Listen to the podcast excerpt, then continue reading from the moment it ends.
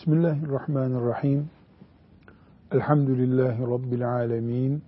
Ve sallallahu ve sellem ala seyyidina Muhammedin ve ala alihi ve sahbihi ecma'in. Müslüman namaz kılan insandır değil mi? Evet. Müslüman hacca giden insandır değil mi? Evet.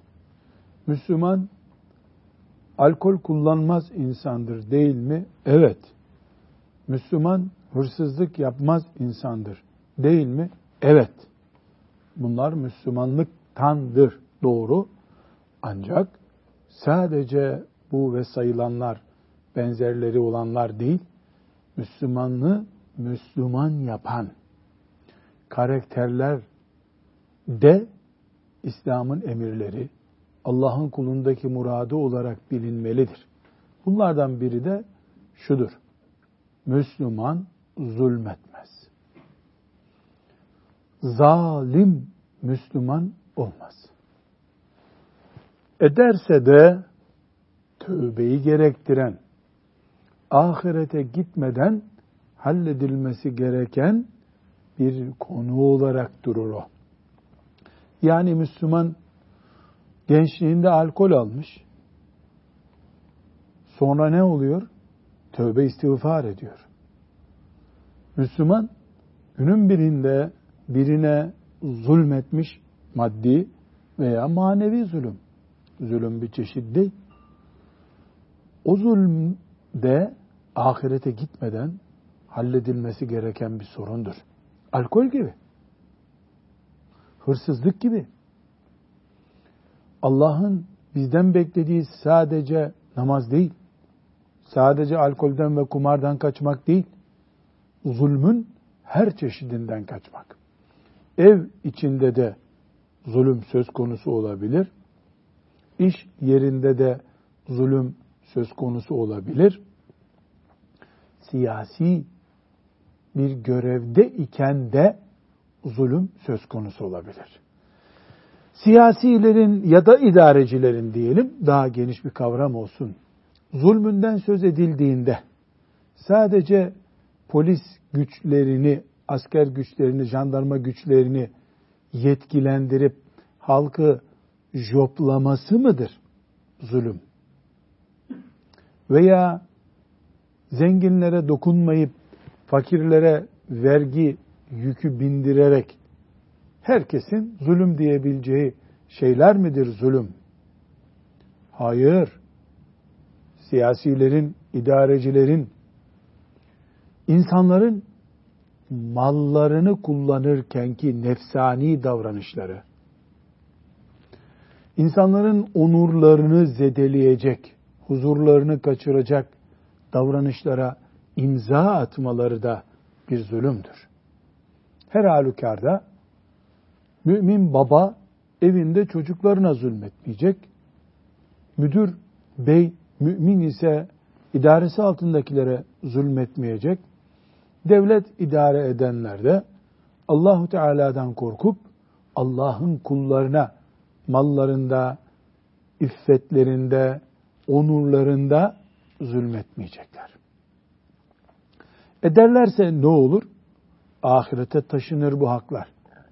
Ahirette namazlarla, oruçlarla ödenir. Nauzu billahi teala. Şimdi 223. hadisi şerife geldik. Bu hadisi şerif e, Havle binti Amir radıyallahu anha isimli sahabiden naklediliyor. Bu hadisi şerifi dinleyerek neden idarecilerin böyle bir dikkatli davranmaları gerektiğine dair ayrıntımız ortaya çıkmış olsun. Hafız Efendi oku. Bismillahirrahmanirrahim. Hamza'nın eşi Havle binti Samir el-Ensariye radıyallahu anhuma şöyle dedi. Resulullah sallallahu aleyhi ve sellemin şöyle buyurduğunu işittim. Şüphesiz ki haksız olarak Allah'ın malını kullanan kimseler kıyamet gününde cehennemi hak ederler. Şimdi bu siyah puntoyu bir daha okuyalım. Şüphesiz ki haksız olarak Allah'ın malını kullanan kimseler kıyamet gününde cehennemi hak ederler. Namaz kılmayanlar cehenneme girerler der gibi oldu bu değil mi? Zekat vermeyenler cehenneme girerler der gibi oldu. E, hırsızlık yapanlar cehenneme girerler, insan öldürenler cehenneme girerler der gibi oldu. Resulullah sallallahu aleyhi ve sellem yoruma gerek bırakmayacak şekilde gayet açık bir ifadeyle ne buyurdu? Allah'ın malını kullanırken haksızlık yapan, keyfi davranan, kayırımcılık yapan, akrabasını kollayan, partisini kollayan, ona şurada burada destek olanı kullanan ya da birilerine e, peşkeş çekerek onu suistimal etmek isteyenler cehenneme girerler. Nauzu billahi teala. Bundan ne anlaşılıyor? Zulüm dayak atarak da yapılır, kol keserek de yapılır, hapse atılarak da yapılır, mal üzerinde de yapılır. Filanca kişi başkan seçildi, işte yüz kişiyi hapse attı zulm ederek. Zalim. Filanca kişi insanların şu kadar malını gereksiz yere israf etti. O da zalim. O da zalim. Dolayısıyla mal da zulm edilebilecek çeşitlerden birisidir. Dayak gibi, kol kesmek gibidir. Burada bu Havle binti Samir radıyallahu anha isimli sahabiden söz etmemiz lazım. Bu kadıncağız Hazreti Hamza radıyallahu anh'ın hanımıdır. Ondan dört çocuk doğurmuş. Ondan sonra En-Nu'man İbni Aclan isimli bir zatla evlenmiş. Hamza şehit olunca e, Uhud'da. Radıyallahu anhum cemiyen Hamza'nın hanımı e, mümin, mümin, mübarek bir kadın. Allahu Teala şefaatine nail etsin. Adını burada zikredelim ki e, inşallah şefaatine de ereriz. Bu hadisi şerif neydi? Şüphesiz ki haksız olarak Allah'ın malını kullanan kimseler kıyamet gününde cehennemi hak ederler hadisi. İdarecilerin ellerindeki imza yetkisiyle kullandıkları para konusunu namaz gibi ciddi görmeleri gerektiğini anlatıyor. Belediye başkanı çok iyi namaz kılıyor. Çok iyi inceliyor mu? Muhasebesi iyi mi? Kuruş kuruş hesap edebiliyor mu? Namaz kadar mesul. Çünkü namaz kılmamak cehenneme koyacağı gibi Allah'ın kullarının e, malından, dolayısıyla Allah'ın malından çarçur etmekte, israf etmekte aynı şekilde cehenneme koyabilecek hatalardandır. Hoca efendilerin de, kürsülere çıkıp vaaz edenlerin de insanlara namazı öğrettikleri gibi, Ramazan-ı Şerif'te orucu öğrettikleri gibi bir malı, başkasına ait olan bir malı, özellikle de kamu malını kullanırken dikkat etmeleri gerektiğini vurguluyor bu. Yani kamu malı insanın namazı gibi, orucu gibi hesabını vereceği şeylerdendir diye hoca efendilerin öğretmesi lazım. Zira dinimiz İslam kazanırken ve harcarken Allah'tan korkarak elde edilmiş bir mal sahibi olmamızı istiyor. Cebindeki para elde edilirken ve harcanırken Allah'ın şeriatı dikkate alınmış olmalıdır. O zaman mümin insan helal yemiş olur. Helal yiyenin namazı muteber, helal yiyenin duası makbul. Bu hadisi şerif bunu bize haber veriyor. 224. hadisi şerife geldik.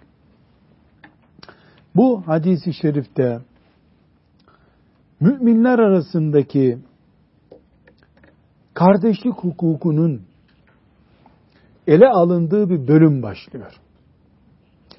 dinimiz bütün Müslümanları bir aile gibi görmek istiyor.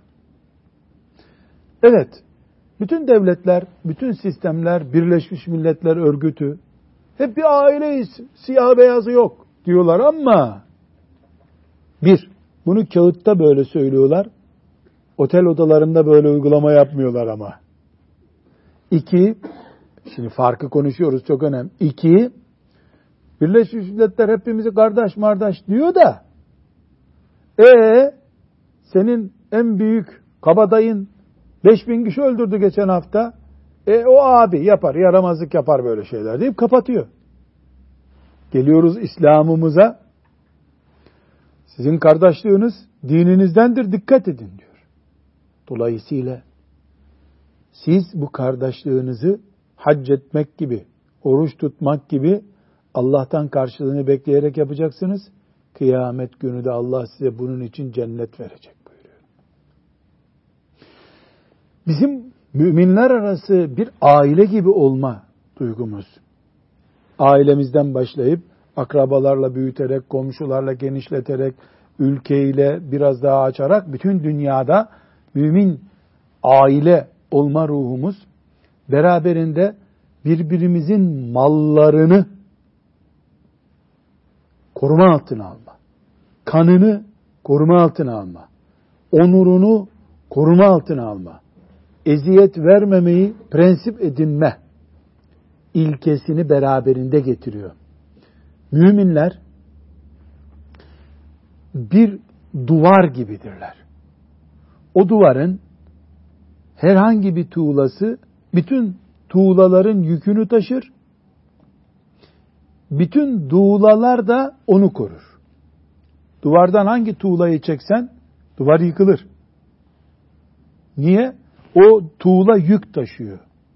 Onu da taşıyor tuğlalar ama. Onun için Efendimiz sallallahu aleyhi ve sellem şimdi okuyacağımız hadiste böyle bir benzetme yapıyor. Bunu benzetiyor. Burada nasıl gerçekleşecek bu? Mümin, Müslüman yüksektedir. Allahu Teala'nın koruması altındadır. Böyle inanacağız. Müslümana dokunmak, Kabe'ye dokunmak gibi bir şeydir, tehlikelidir. Böyle inanacağız. Müslümanın malı da, onuru da yüzde yüz Allahu Teala'nın koruması altındadır. La kayıtlık yapılamaz diye düşüneceğiz. Bu Müslümanların bir arada olması, birbirlerine karşı merhametli olmaları, birbirlerine fikir alışverişini Allah rızası için yapmaları gibi çok önemli sonuçları beraberinde getiriyor. E, İslami ve dini yapılanmayı beraberinde getiriyor. Burada çok önemli bir benzetme var. İslam yani dinimiz, şeriatımız Müslümanın Müslümanla ilişkisini, Müslümanın Müslümana yardım etmesini, Müslümanın Müslümana merhametli davranmasını, ve tevasav bil hakkı ve tevasav bis sabr, birbirlerine sabır desteği olmalı. Ve teavenu alel birri ve takva, iyilikte ve takvada yardımlaşmalarını imanın bir parçası olarak görüyor. Mümin sen bu ailenin parçasıysan böyle olacak buyuruyor. Çok önemli bir benzetme. Bir buçuk milyar Müslüman var değil mi şimdi? Bir tanesine bir eziyet ediyorsun. Senin mesela köyündeki bir kişiye eziyet ettin. O bir kişi yüzünden sen sanki İslam dinini karşına aldın, İslam'a saldırdın gibi kabul ediyor allah Teala. Değil mi? Evet.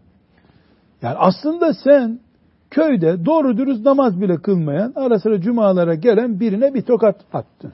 Ya da adi bir söz söyledin. Ya bu bir kişi. Bir buçuk milyar Müslüman var bu dünyada. Bir tane bu. Hepsine sanki bu saldırıyı yaptın kabul ediliyor. Tıpkı ne gibi? Şimdi Lut aleyhisselama iman etmeyenlere Allah bütün peygamberlere iman etmediler diyor. Bu nasıl oluyor? Aslında bir Lut'u iman etmiyor dedi adam. 124 bin peygamberi iman etmediniz diyor allah Teala. Öyle değil mi? Yani peygamberlerden birine iman etmeyen diğerlerine iman etmiş olabiliyor mu? Asla olmuyor. E 120 mesela şöyle düşünelim. E, Lut aleyhisselamdan sonra kaç bin peygamber geldi? Onun zamanında Lut'a iman etmeyenler aleyhisselam mesela Efendimiz'i görmediler ki Efendimiz kaç bin sene sonra geldi. Nasıl Efendimiz'e de iman etmiş, inkar etmiş oluyorlar, iman etmemiş oluyorlar? Şundan, bütün peygamberler 124 bin olduğu söylenen, bütün peygamberler tek peygamber gibidirler. Aynı sesi seslendiriyorlar çünkü. Birini kabul etmedin mi, diğerlerini kabul etmenin hiçbir manası olmuyor. Onun için yatsıdan sonra okumayı Efendimiz sallallahu aleyhi ve sellemin tavsiye buyurduğu Bakara suresinin son iki ayetinde nasıl okuyoruz? La nuferriku beyne ehadin min rusulihi. Peygamberlerden hiçbirini ayırmayız. Ya her gece iman edip böyle yatıyoruz. Peygamberler arasında bir fark yok. Hepsine iman ettik. Hepsine iman ettik. Onun için imanın şartlarından biri amentu billahi ve melaiketihi ve kütübihi ve rusulihi. Rusulihi ne demek? Allah'ın bütün peygamberleri. Peygamberi Muhammed Aleyhisselam'a demek mi? Hayır. Bütününe iman edersen iman oluyor. Ben benim peygamberim Muhammed Aleyhisselam'a iman ettim demek yeterli oluyor mu? Olmuyor. Niye olmuyor? Çünkü onlar bir bütün. Benim bu parmağımı birisi koparıyor. Ben sana bir şey yapmıyorum parmağını koparıyorum diyebilir mi? İşte bunun gibi müminler tek bir ceset olacaklar. Bu ceset herhangi bir parçasında aynıdır. Yemen'deki mümin, Hindistan'daki mümin. Bangladeş'teki mümin, Antarktika'daki mümin. Hepimiz bir taneyiz. İsrarla bu asırda e, İslamiyet'i Arapların dini gibi gösteriyorlar.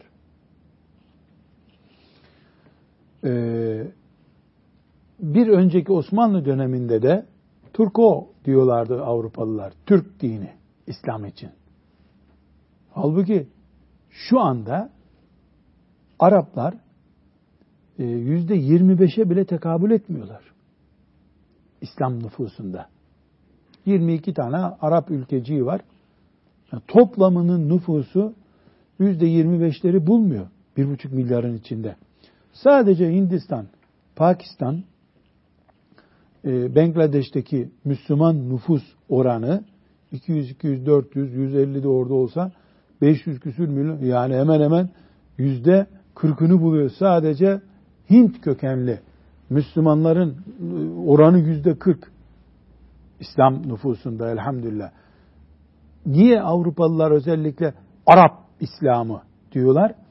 İslam'ı insanlığın dini olmaktan ve kardeşlik yapısını zedelemeye uygun bir ortam oluşturmaktan medet umuyorlar. Boşuna uğraşıyorlar tabi. Arabı, Türk'ü, Kürdü, Laz'ı veya Hindüsü, Pakistanlısı, Bengali yok ki bunun. İman edeni veya etmeyeni var. Elhamdülillah böyle iman ediyoruz. Evet.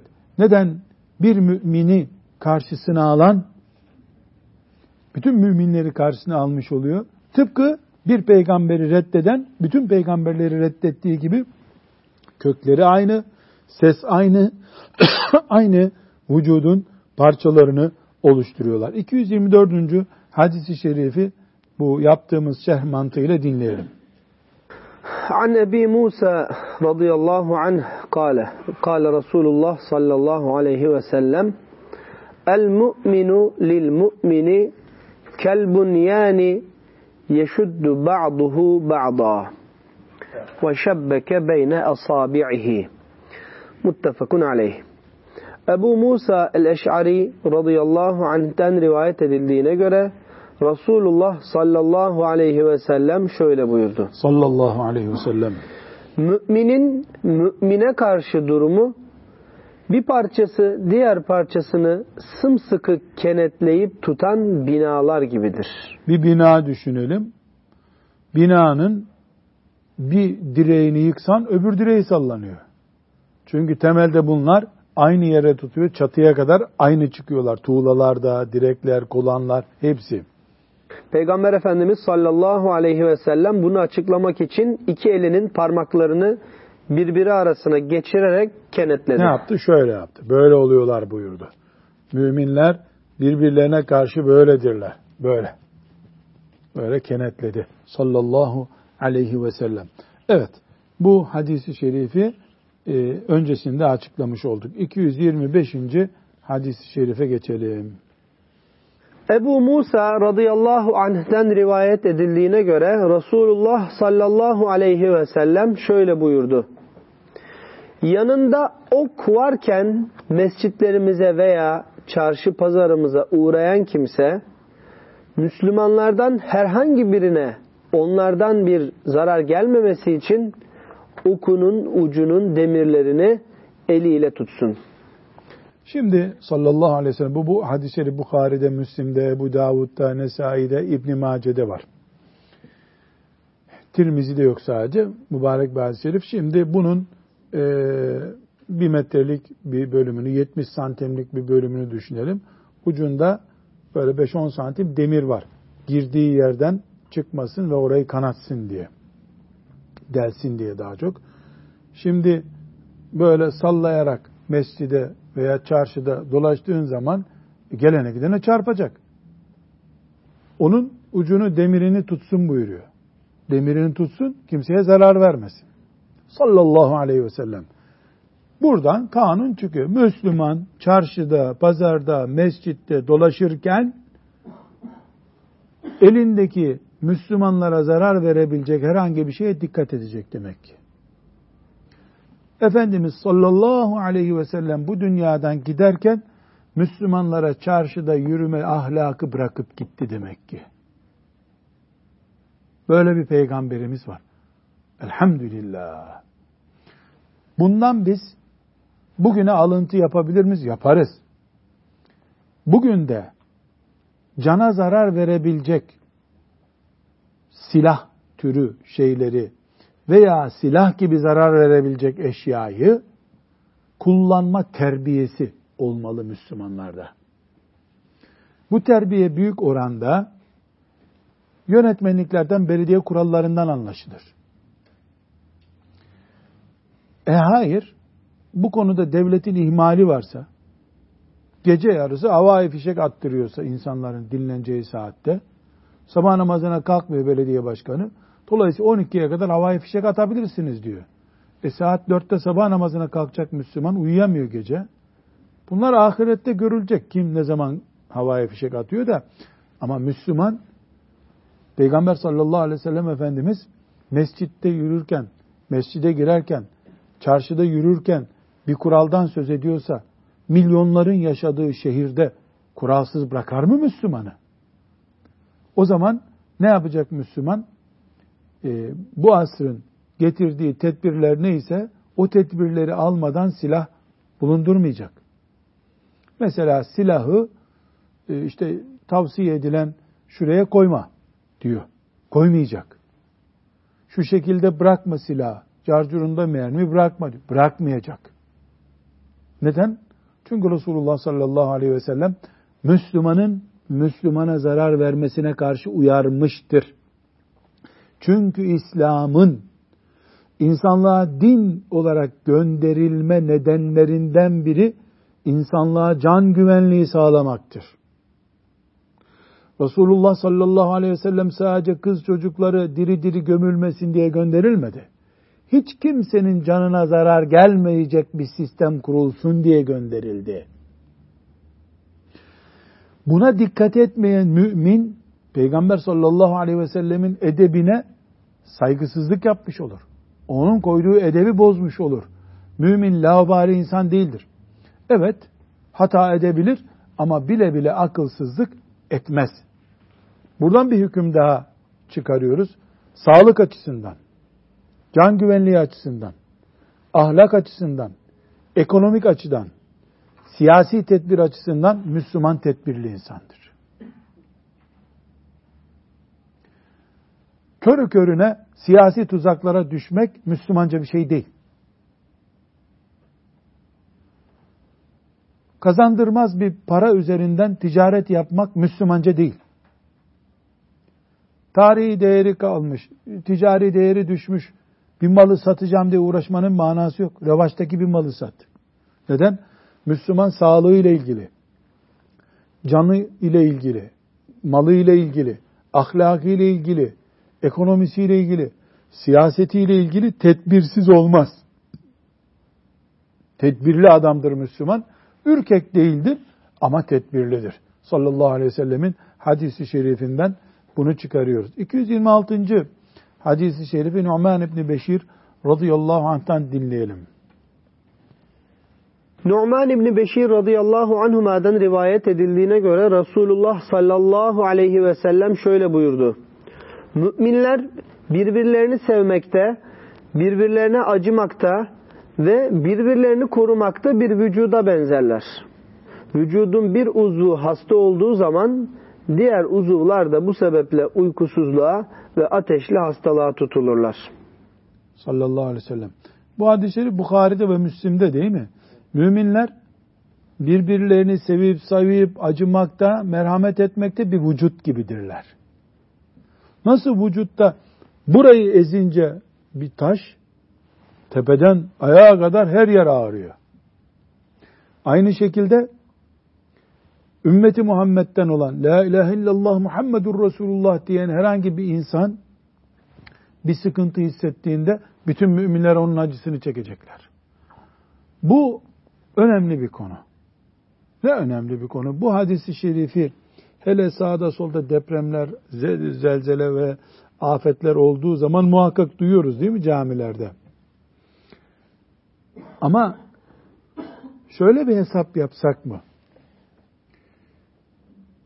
Allah'ın emirlerinden biri namaz kılmak. Müminler namaz kılar. Bir kız istenip verileceği zaman Rizeli Hafız Efendi ya kız istiyorlar. Sen şimdi sana o sorulduğunda e bu Rizeli hafız hem hafızdır hem namazı yerindedir. Oruçta tutuyor. Haramlarla da işi yok. Buna kız verilir diyorsun. Niye? E çünkü müminler namazıyla ölçülür. Kumar yap, var mı, hırsızlık var mı ölçülür. Peki bu Bukhari ve Müslim'in bu hadisi şerifinde Efendimiz sallallahu aleyhi ve sellem müminlik standardı olarak birbirine merhametli, saygılı, e, nazik olmayı da getirmiyor mu? Ha, madem öyle bu hafız için sana referans sorulduğunda efendi biridir. Onun yanında kimse zulüm görmez. Merhametlidir. Mümine saygılıdır. Diye de referansına katman. Nasıl namazını bir artık atıyorsun? Orucuna artık atıyorsun. Hafızlığına bir artık atıyorsun. Ya bunun yanında konuşulduğu zaman çok lanlı lunlu konuşur. Saygı bilmez diye eksi de koymayı bilmelisin. Çünkü Müslümanlık sadece namazda ölçülemez. Sadece Ramazan-ı Şerif'te oruç tutmakla ölçülemez.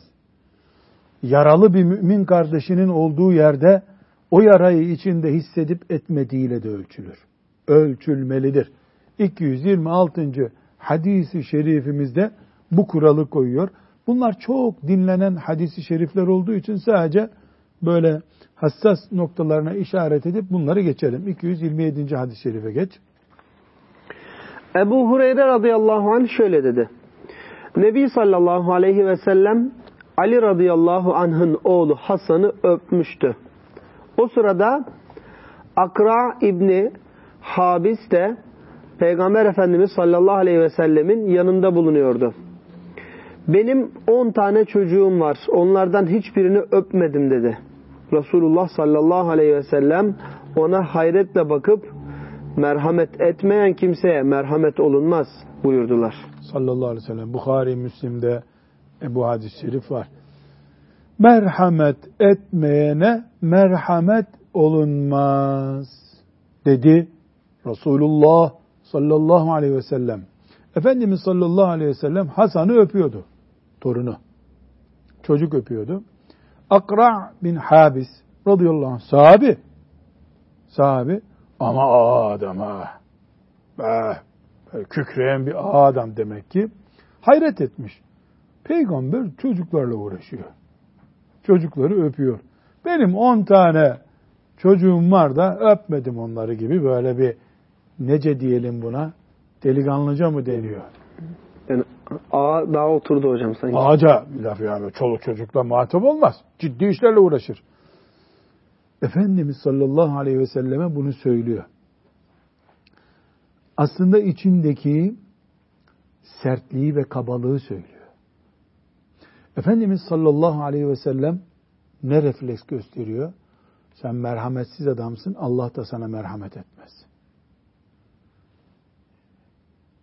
Bundan anlaşılıyor ki Allah kimin kalbine çocuklara karşı, zayıflara karşı, çaresizlere karşı, yetimlere karşı bir merhamet koyduysa, kameraların önünde değil ama, yalnızken, öyle reklam olsun diye, siyasilerin yaptığı gibi çağırıyorsun bütün gazetecileri, çocuklara birer tane ceket, iki tane ayakkabı.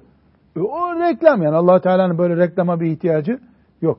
Kimin kalbinde merhamet var gariplere karşı, o merhameti Allah koydu şüphesiz.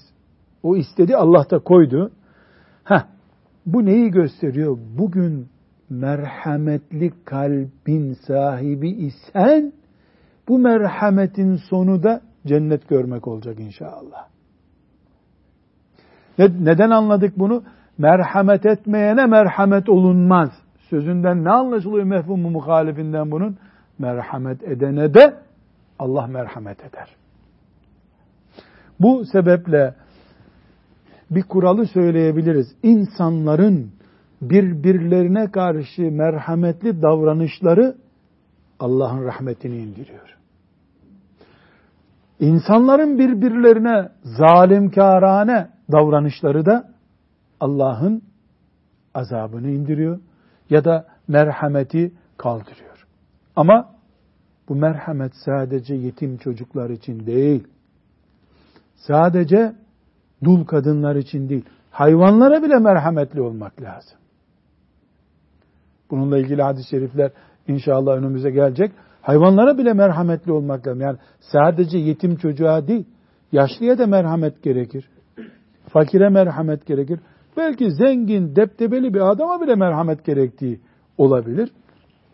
Hatta e, Efendimiz sallallahu aleyhi ve sellemin merhamet örneklerinden biri de e, imamların namaz kıldırırken arkalarındaki yaşlıları düşünmesidir.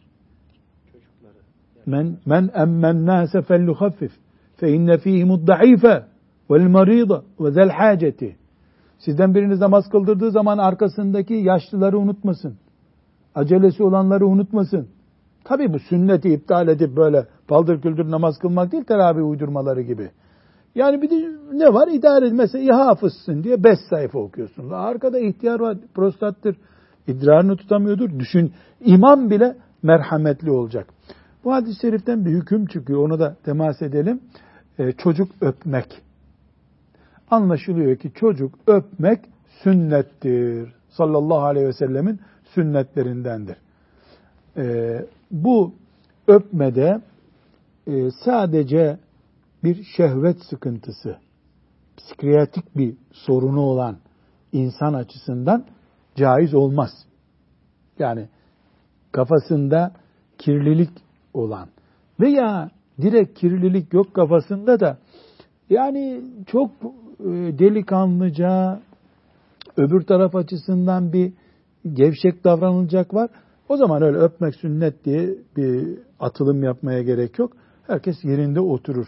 Ama insanın kendi torununu öpmesi, yaşlı bir insanın e, başkasının çocuğunu öpmesi bir fitne sebebi yoksa, yani yöresel bir sıkıntı var. Mesela e, bir yöre olarak düşünelim. İşte Hasan Hoca e, misafirliğe gitti. Uzaktan bir akrabanın oğlunu gördü. Küçük çocuk. Ay yavrum gel dedi. Öptü onu. O örfte diyelim ki bu yakışa kalmıyor. Orada uzak durmak lazım. Böyle örfler var. Başkasının çocuğunu öpmeyi işte mikrop kaptım bilmem ne bir sebeple hoşlanmıyorlar. On, yani bu sünnettir derken e, terk edildiğinde öğlenin sünneti terk edilmiş gibi. Önemli olan merhamet göstermektir. Hele bu asırda e, mikropların çok çabuk bulaştığı bir zamanda yaşıyoruz. Mümkün olduğu kadar aile dışında olanların çocuklara böyle öpmekti, e, temas edip mikrop bulaştıracak pozisyonlara dikkat etmek lazım. Çocukların bağışıklık sistemi zayıf oluyor. Yani çocuk doğmadan hastaneye gidiyor neredeyse. Bu, bu fitneye bu şekilde dikkat ederiz. Bir hadis-i şerif daha okuyalım. 228. hadis-i şerif. Ayşe radıyallahu anha şöyle dedi. Çölde yaşayan bedevilerden bir grup Resulullah sallallahu aleyhi ve sellemin huzuruna geldiler ve siz çocuklarınızı öpüyor musunuz? diye sordular. Peygamber Efendimiz sallallahu aleyhi ve sellem evet buyurdu. Onlar fakat biz Allah'a yemin ederiz ki onları öpmüyoruz dediler. Resulullah sallallahu aleyhi ve sellem Allah sizin kalplerinizden merhamet duygusunu çıkarıp almışsa ben ne yapabilirim ki? Buyurdu. Aa, bu cümleyi bir daha oku. Yani siz çocuklarınızı öpüyorsunuz, biz öpmeyiz. Deyiveren delikanlı adamlara, aa adamlara ne buyurmuş sallallahu aleyhi ve sellem? Allah sizin kalplerinizden merhamet duygusunu çıkarıp almışsa ben ne yapabilirim ki? Emliku leke en enze'allahu min kalbike rahmeh. Allah senin kalbine merhamet etmediyse ben ne yapayım sana kardeşim? Ne yapayım sana? Bu hadisi şerifin etki alanı çok yüksek. Çocuklara sevgi gösterme, çocukları öpme meselesini bir önceki hadis olarak okuduk ama burada başka bir konu daha var. Bunu hafızlar not defterinize kaydediniz. Ee, Musab sen bekarsın. Turgay sen de bekarsın Tuğrul. Dolayısıyla herkes bekarı, evlisi dikkat etsin. Çevre insana etki eden unsurlardandır. Bu adam bedevi yani sahrada yaşayan sahra adamı bu soruları soranlar. Kaba adamlar. Resulullah sallallahu aleyhi ve sellem Mekke çocuğu. Vahiy terbiyesiyle Allahu Teala'nın terbiye etti. Eddebeni Rabbi fe ehsene te'dibi. Beni Rabbim terbiye etti de güzel terbiye. İbrahim aleyhisselamdaki narinlik var. E, Efendimiz sallallahu aleyhi ve sellem'de. Çevre insanın dinini de ahlakını da etkileyecek bir unsurdur. Bu yüzden e, hatta iyi bir psikoloji konusu olarak bu ele alınabilir. Mesela e, Kuzey Avrupa'da yaşayanlarla ekvatorun güneyine doğru yaşayanlar aynı ırktan bile olsalar farklı kimseler oluyorlar. Yani çok sıcak iklim, çok soğuk iklim, farklı karakter ortaya çıkarır. Bu tabi uzun vadede gidip iki ayda öyle olayım diyecek halin yok. İnsanın ses yapısını da etki ediyor. Sıcak iklimin insanların sesleri daha güzel oluyor. Haşinliğe etki ediyor. Özellikle alimler deve çobanlığına vurgulama yaparlar. Yani deve çobanları kaba olurdu. Bu, bu hadiste geçenler deve çobanıymış mesela. Temim kabilesi bunlar. Ee, bunlar deve çobanlarılar. Deve çobanı deveyi öpmediği için hayatta. Deve kendisini öptürmez çünkü. Haşim bir hayvan deve. Yani yüz devenin içinde yüz gün geçirdin mi deve leşmiyorsan da deve ahlakı sana etki ediyor. Onlar gibi oturup kalkıyorsun. Mesela koyun çobanının daha farklı olduğunu söylüyorlar. Daha farklı olduğunu. Yani meslek insanı etkiliyor. Çevre insanı etkiliyor. Bu sebeple bu hafızlara neyi tavsiye ediyorum? Evleneceğin zaman çevreye de dikkat et. Yani soğuk iklimin insanı farklı olacak senin için. E o evlenmeyecek mi? Ya o da kendi gibi birini bulacak herhalde. Herkes yuvarlanacak, kapağını bulacak tencere. Muhakkak e, biz yani her şey gayretle Allahu Teala'nın rızası için çalışmakla oluyor ama bir nebzede gayret edeceğiz. Çevre, yöre, meslek insana etki ediyor.